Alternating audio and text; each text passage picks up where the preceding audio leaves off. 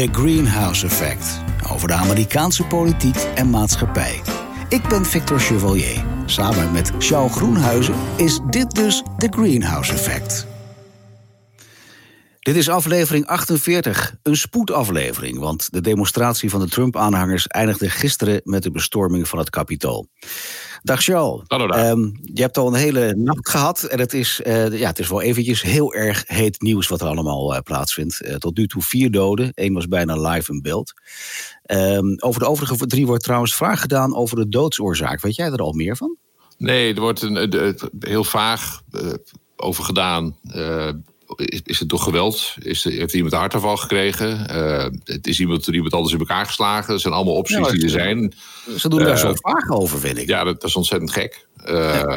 Maar dat, goed, het zal in de loop van... We nemen dit op op donderdagochtend, vrij betijds. en Amerika slaapt nu nog.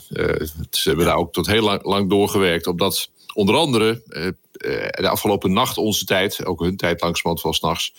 Uh, uiteindelijk toch Joe Biden nu officieel door het congres is aangewezen als de 46e president van Amerika. Dus uh, als er iemand slecht geslapen heeft, is het niet uh, Joe Biden. Die heeft de overwinnaarsslaap kunnen slapen, maar wellicht dat Donald Trump nog een half uurtje naar het plafond heeft liggen staren. Heeft hij daar formeel op, op gereageerd? Ja, dat was. Uh, het laatste nieuws is nu ook dat uh, Donald Trump heeft aangegeven dat uh, hij voor een ordelijke overdracht zal zorg dragen. Maar dat is heel vers van de pers, maar dat is toch wel een nieuwtje, vind ik. Zeker, omdat hij dat tot nu toe niet heeft toegezegd. Uh, maar als je die tweet leest, niet van hemzelf, want Twitter heeft hem een tijdje geblokkeerd. Uh, dat is ook vrij uniek. Uh, dus een van zijn medewerkers heeft een tweet de wereld ingestuurd. Die heeft waarschijnlijk iets minder dan de 80 miljoen volgers van de Donald.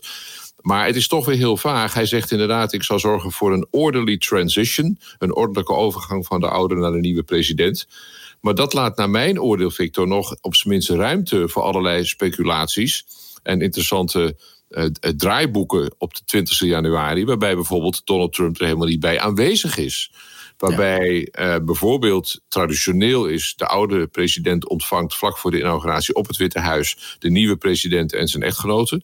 Uh, mm -hmm. En dan gaan ze samen in de auto naar Capitol Hill. Dan is daar de plechtigheid. Ja, het is nog steeds de optie dat Trump er überhaupt niet bij is. Gaat hij straks uh, na de, het afleggen van de eet door Joe Biden naar hem toe en zegt van geef hem een hand. Nou, misschien dat dan niet tegenwoordig. Maar Mr. President, congratulations, good luck.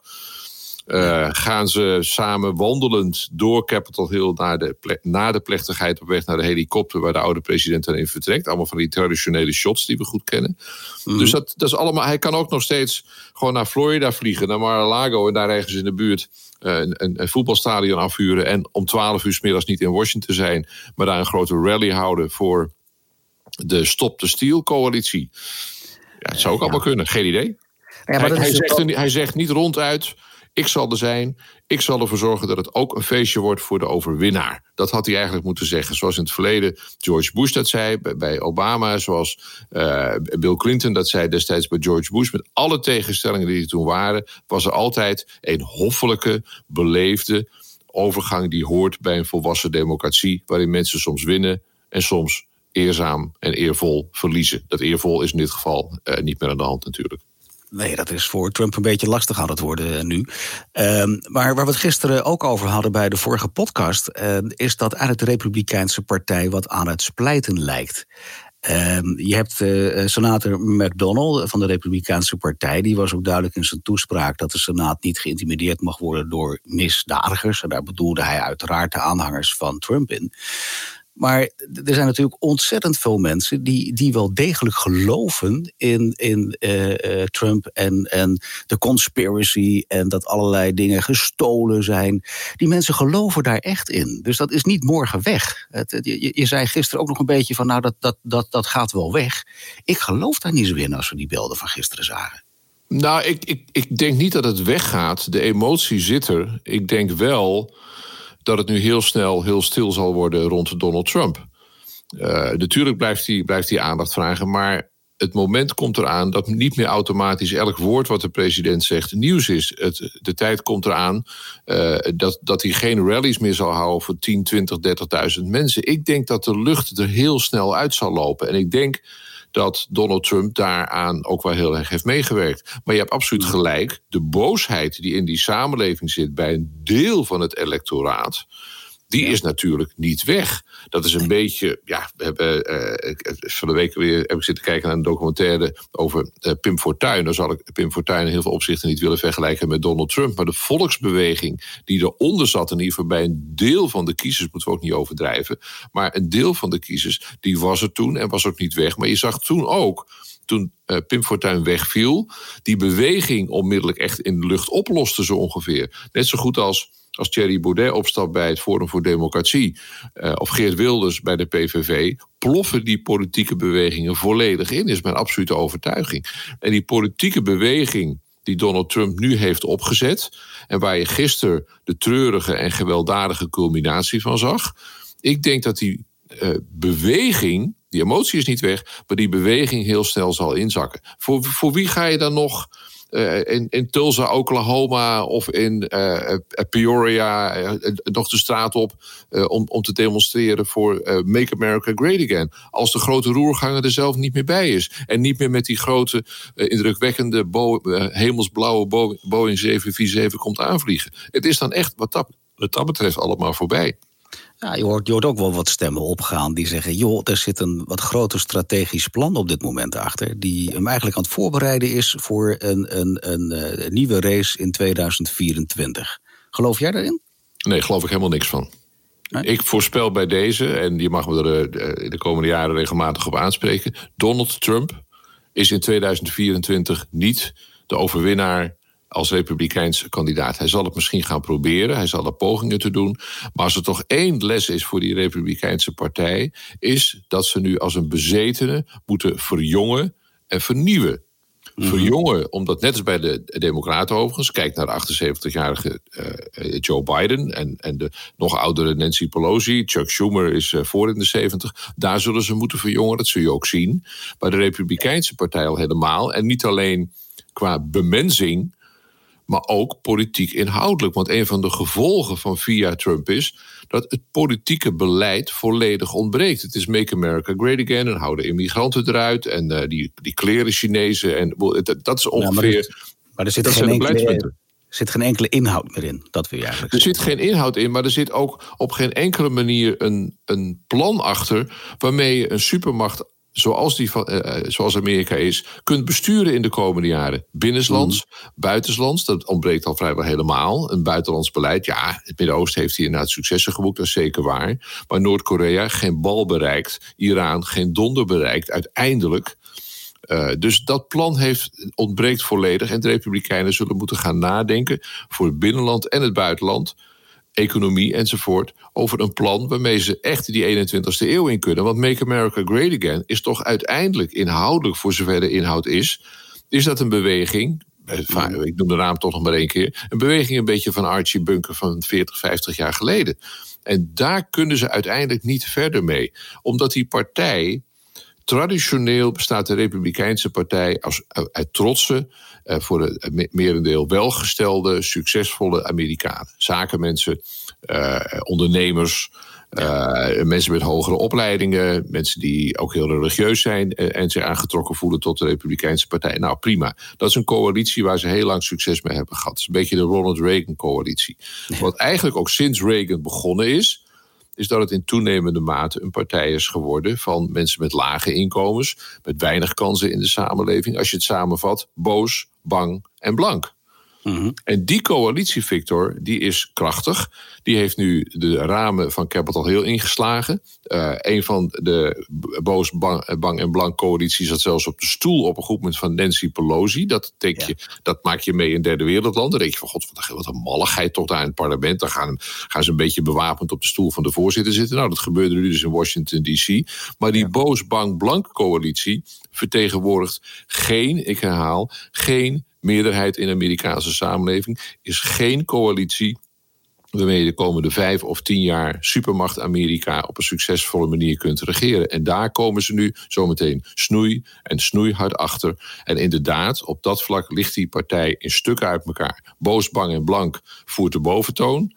En die traditionele conservatieven die er nog steeds zijn uh, oprechte republikeinen. Ik ken er genoeg van. We hebben vrienden in, in die kringen. Maar die mhm. tegen ons nu zeggen: What the fuck is going on? Ja. Dit, mag niet gebeuren in het grote trotse Amerika. Dus die partij zal heel veel zelfonderzoek moeten doen. En niet alleen zelfonderzoek, maar er ook naar handelen. En dat zie ik voorlopig nog niet gebeuren met de bejaarde leiders die daar nu aan het bewind zijn. Nou, als je het over eh, bejaarde leiders hebt, eh, de rol van eh, Rudy Giuliani, die was ook niet erg prettig met zijn gerechtelijk tweegevecht, de trial by combat. Ehm, zou hij daar zelf niet in overtreding geweest zijn? In de zin dat hij toch eigenlijk opriep om ehm, ja, toch wel gekke dingen te gaan, te gaan doen daar? Nou ja, een paar uur later werd het waar trial by combat uh, gebeurde een paar uur later. Omdat opstandelingen waren geen demonstranten meer. Ik heb het in, in de tv-uitzending maar netjes demonstranten genoemd. Anders heb ik weer 3000 tweets over me heen. Maar er zijn natuurlijk gewoon gewelddadige opstandelingen. Uh, die hebben in de praktijk gebracht waar Rudy Giuliani toe opriep. Die hebben in de praktijk gebracht waar in feite ook Donald Trump voortdurend toe heeft opgeroepen. We zullen niet toegeven. En fascinerend uh, in, in, in, in de, de, hitte van de avond. Uh, de eerste die reageerde inhoudelijk was niet de zittende president, maar was de aankomende president Joe Biden. Ik zou iedereen adviseren: ga even naar YouTube en haal die toespraak van Joe Biden even terug. Iedereen die zegt die Biden. Ik was onder de indruk van hem. Ik was onder de indruk omdat het de eerste uh, toespraak, speech was die ik van hem zag, die ik ferm vond, verzekerd vond, uh, echt presidentwaardig. Uh, het leek wel alsof eigenlijk de situatie hem uh, goed deed in de zin dat hij wat meer in zijn eigen rol kwam. Vond jij dat ook? Nou, ik, ik, ik zou wel verder willen gaan. Uh, ik vond dat hij ver boven zichzelf uitsteeg. We kennen Joe Biden ook veel grappen over gemaakt. Uh, toch soms een beetje de stuntelaar. Zegt gekke dingen, domme dingen soms. Ja. Verspreekt zich op een rare manier. En het is fascinerend. Wij zaten al in de studio, omdat het allemaal plaatsvond een paar minuten voordat wij live gingen met, met op één gisteravond. Mm. Uh, en we zaten met onze gasten zaten we er al. En op groep met riepen ze over het decor. We, uh, we zetten uh, Joe Biden even door naar de vloer. Hè. Dan kun je in de studio meekijken. En, en uiteraard geluid. En we zaten er dus met een aantal Amerika-kenners. Een aantal mensen die er ook voor corona en het virusverhaal zaten. Ja. En ik keek zo rond. We zaten er met een in die studio met een man of 10, 12. En het werd doodstil. Mm. Het werd doodstil. En we zaten elkaar aan te kijken. En ik, ik, ik knikte ook naar de mensen die, aan, bij mij aan tafel. Van wow. Ja. En echt in toenemende mate, want ik heb het ook het idee dat hij het van Gode uit zijn hoofd deed. Hij had in ieder geval geen ja, autocue. Daar let, ik, al, let ik altijd op. Want staan die schermpjes, geen schermpjes. Had wel iets op zijn bureau liggen, maar praten in de camera. En toen dacht ik van zo de mythes, even los van of je voor of Joe, eh, tegen Joe Biden bent. Maar hier stond dus wel een leider die onmiddellijk zegt van dames en heren, dit is niet Amerika. En vervolgens, hij riep Trump op. Van gek worden. De, de, nog, man die niet eens president is, roept de zittende president op. Meneer de president, reageer. Go on national television. Vervolgens komt Trump. En als je dat goed analyseert, kijk het maar naar. Hij veroordeelt niet wat daar op dat moment gebeurde. Er wordt daar bijna letterlijk de bijl aan de wortel van de democratie gelegd. En de president, die die democratie vertegenwoordigt, veroordeelt het niet. Rond die tijd kwam er ook een tweet van Ivanka Trump. Waarvan altijd gezegd is: van nou, dat is toch wel de slimmerik van de familie. En ik denk ook dat ze heel erg slim is. Maar die in haar tweet spreekt over American Patriots. Die heeft ze vervolgens snel weggehaald. Maar goed, hij staat volop online. Kijk het maar naar. American Patriots. Uh, Trump veroordeelt en zegt... het enige wat hij zegt van... jongens, gebruik nou toch alsjeblieft geen geweld. Dat is zwaar onvoldoende op het moment dat, dat eh, de, de, een gewelddadige opstand gaande is in het hart van je democratische stelsel. Dan moet je doen wat op dat moment Joe Biden deed. Echt petje af wat Biden daar deed. Die, die ja. steeg boven zichzelf uit. Ja, precies. Het is, uh, hij noemde het ook terecht, vind ik, een aanval op de democratie. Ja. Uh, er was ook gisteravond iemand eh, die geïnterviewd werd en die zei van nee, we mogen wel het kapitool naar binnen. Want ja, dat is het huis van het, van het volk, dus daar mag ik ook komen. Ik vond het ja, zo ook. Ja, nee, je mag er ook komen. Ik ben er ook vaak geweest, maar dat vaak meestal professioneel natuurlijk, of met, met gasten. En als toerist ben ik er ooit wel eens ook de eerste keer geweest.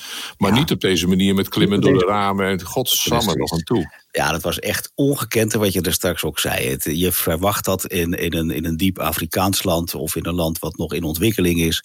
Maar Amerika, ik denk dat ze dit nog echt decennia zullen moeten horen, wat hier plaatsgevonden heeft gestaan. Nou ja, en ook Victor, dit zijn historische beelden uiteraard, die zullen we veel terug gaan zien.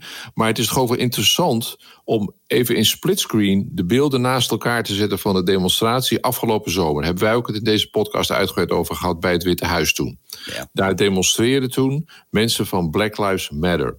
Daar was veel emotie, maar er was nul geweld. Die mensen stonden totaal geweldloos te demonstreren voor de zaak waar ze voor staan. Vervolgens is besloten door William Barr, de minister van Justitie, om de zaak daar schoon te vegen, terwijl er dus niets onregelmatigs gebeurde. Er is ook niet, eh, eh, geen confrontatie met de politie. Is daar de straat schoongeveegd terwijl er niks gebeurde. Nu heeft het uren geduurd voordat daar de zaak bij Capitol Hill werd schoongeveegd, terwijl daar wel een gewelddadige demonstratie was. En je had gewoon die mensen collectief moeten oppakken. Ik las nu vanochtend dat er 40 arrestaties zijn geweest. Nou, ik ben benieuwd ja. uh, wat daarmee gebeurt. Er is zoveel beeldmateriaal van. Het moet niet heel ingewikkeld zijn voor de FBI om daar 100, 200 of 300 van die rotzakken op te pakken en voor een flinke tijd achter de tralies te zetten. Ik ben meestal niet zo wraakzuchtig, maar hier moet een voorbeeld gesteld worden. Um, dat is een leuke discussie trouwens, die een beetje uh, opkomt nu. Uh, want je snijdt hem ook zelf meer of meer aan. Ehm, als een vergelijkbare groep mensen met een moslimachtergrond of met Black Lives Matter uh, vergelijkbaar het kapitool naar binnen gegaan waren, dan, dan was de situatie volkomen anders als dat, als dat het nu is. Ja. Er gaat bijvoorbeeld ook een filmpje online uh, dat een politieagent zich laat fotograferen met een soort selfie uh, in het kapitool zelf. Ja. Uh, ja, daar kun je wat van vinden. Er zit een hele rare verhouding tussen, zeg maar. Die, die eigenlijk de spanning in de Amerikaanse maatschappij weergeeft. Um, heb jij het idee dat, dat, dat die beveiliging bewust lager gehouden is? Omdat daar ook wat discussies over waren. Dat, dat de beveiliging gisteren van het kapitool eigenlijk tegenviel. Terwijl men toch wel van kon uitgaan dat er wat, wat, dat er wat rommel zou komen, zeg maar. Nou ja, of het bewust gedaan, dat, dat, ja, dat zal uit onderzoek moeten blijken. Er komt ongetwijfeld, eh, gaat dit wel bekeken worden. Maar kijk, het, is natuurlijk wel tamelijk krankzinnig. Op het moment dat in Capitol Hill het voltallige congres het zijn 535 congresleden, de vicepresident is er op dat moment, dan is beveiliging on full alert. Dan weet je, normaal is dat gebouw al streng beveiligd. Ik, ik spreek uit ervaring, ik ben er vaak geweest. Voordat je daar naar binnen bent, dan ben je wel even bezig. En zo hoort het ook. Tuurlijk. Want dit soort gezanik wil je natuurlijk niet. Dat mensen met rotzooi naar binnen gaan. Uh, dat dit op deze manier zo slecht bewaakt was. Terwijl de, op, op een schootsafstand hè, bij het Witte Huis naar Capitol Hill. Dat, dat, is, dat is tien minuten lopen. Dat is vlak bij elkaar. Gewoon fysiek. Je loopt er zo naartoe van het Witte Huis naar Capitol Hill. Dat is allemaal aan die, aan die mall, die, dat grote grasveld aan het centrum van Washington. Ze wisten, er zijn vele duizenden mensen aan het demonstreren. De emoties lopen hoog op dat op dat moment niet ergens een politiechef is geweest die zegt van oeh, pas op, uh, laten we uit voorzorg, want politieagenten doen dingen meestal uit voorzorg en bewakers, laten we uit voorzorg daar een paar honderd man politie neerzetten en de zaak ook een beetje afschermen. Dat is gewoon niet gebeurd. Er stonden ja, hekken waar jij en ik ook zo overheen springen. Het is onvoorstelbaar en je hebt gelijk. De vergelijking met Black Lives Matter en andere demonstraties waarop ingehakt is, trouwens voor een deel ook op heel provocatieve wijze, is, staat er een heel schil contrast wat we gisteravond meegemaakt hebben. Maar ja, Ivanka zei het al, American Patriots. En de president zei het al ach jongens, ga nou toch naar huis, ga nou toch naar huis. Nee, pak ze op. En dan betoeterd. nou, ja. dat gaat misschien nog. niet zo gauw kwaad, maar. Nee, maar nu wel. um, Wat trouwens opvallend ook was, vond ik, is dat, dat uh, uh, vice-president Mike Pence uh, nu wel een, ja, een beetje erop lijkt dat hij definitief afstand aan het nemen is van president Trump. Ehm, allereerst is dat ook zo, neem je dat ook waar? En zou het ook niet zo kunnen zijn dat dat een voorbereiding is op zijn eigen carrière 2024? Uh, het, het, het, eerste, hij neemt afstand, maar puur op formele gronden. Uh, hij heeft gewoon in de grondwet gekeken en gezegd van het is mijn constitutionele plicht om als voorzitter nu van deze uh, sessie van het congres gezamenlijk het Huis van Afgevaardigden en de Senaat een nieuwe president aan te wijzen. Daar heeft hij gelijk in. Zijn advocaat en juristen hebben gezegd van Mr. Vice President, er is maar één manier waarop je niet kunt handelen. Dat is gewoon volg de wet. Er is geen uitweg. Hij heeft niet, voor zover ik het gezien heb, hij heeft niet inhoudelijk afstand genomen van wat Donald Trump allemaal zegt en doet. Uh, en dat, is, dat, dat zou hem sieren nu in deze situatie, zoals een aantal andere republikeinen nu wel openlijk afstand nemen. Dat zijn er ook steeds meer. Openlijk afstand nemen van wat Trump nu gedaan en gezegd heeft. Pence is wat dat betreft de brave, gehoorzame slippendrager gebleven, die hij de afgelopen vier jaar is geweest. Alleen heeft hij op het moment suprem gezegd van nou nee, de grondwet ga ik maar even niet overtreden. Ja, dat is ook wel aan te raden voor een vicepresident. Dan je tweede punt over 2024, no way José. No way. Ik, nou ja, het is altijd leuk om dit soort podcasts te voorspellen. En je gaat ze vast bewaren. Mijn voorspelling 1 was: Donald Trump wordt geen kandidaat. En ook waarschijnlijk geen kandidaat en zeker geen president in 2024.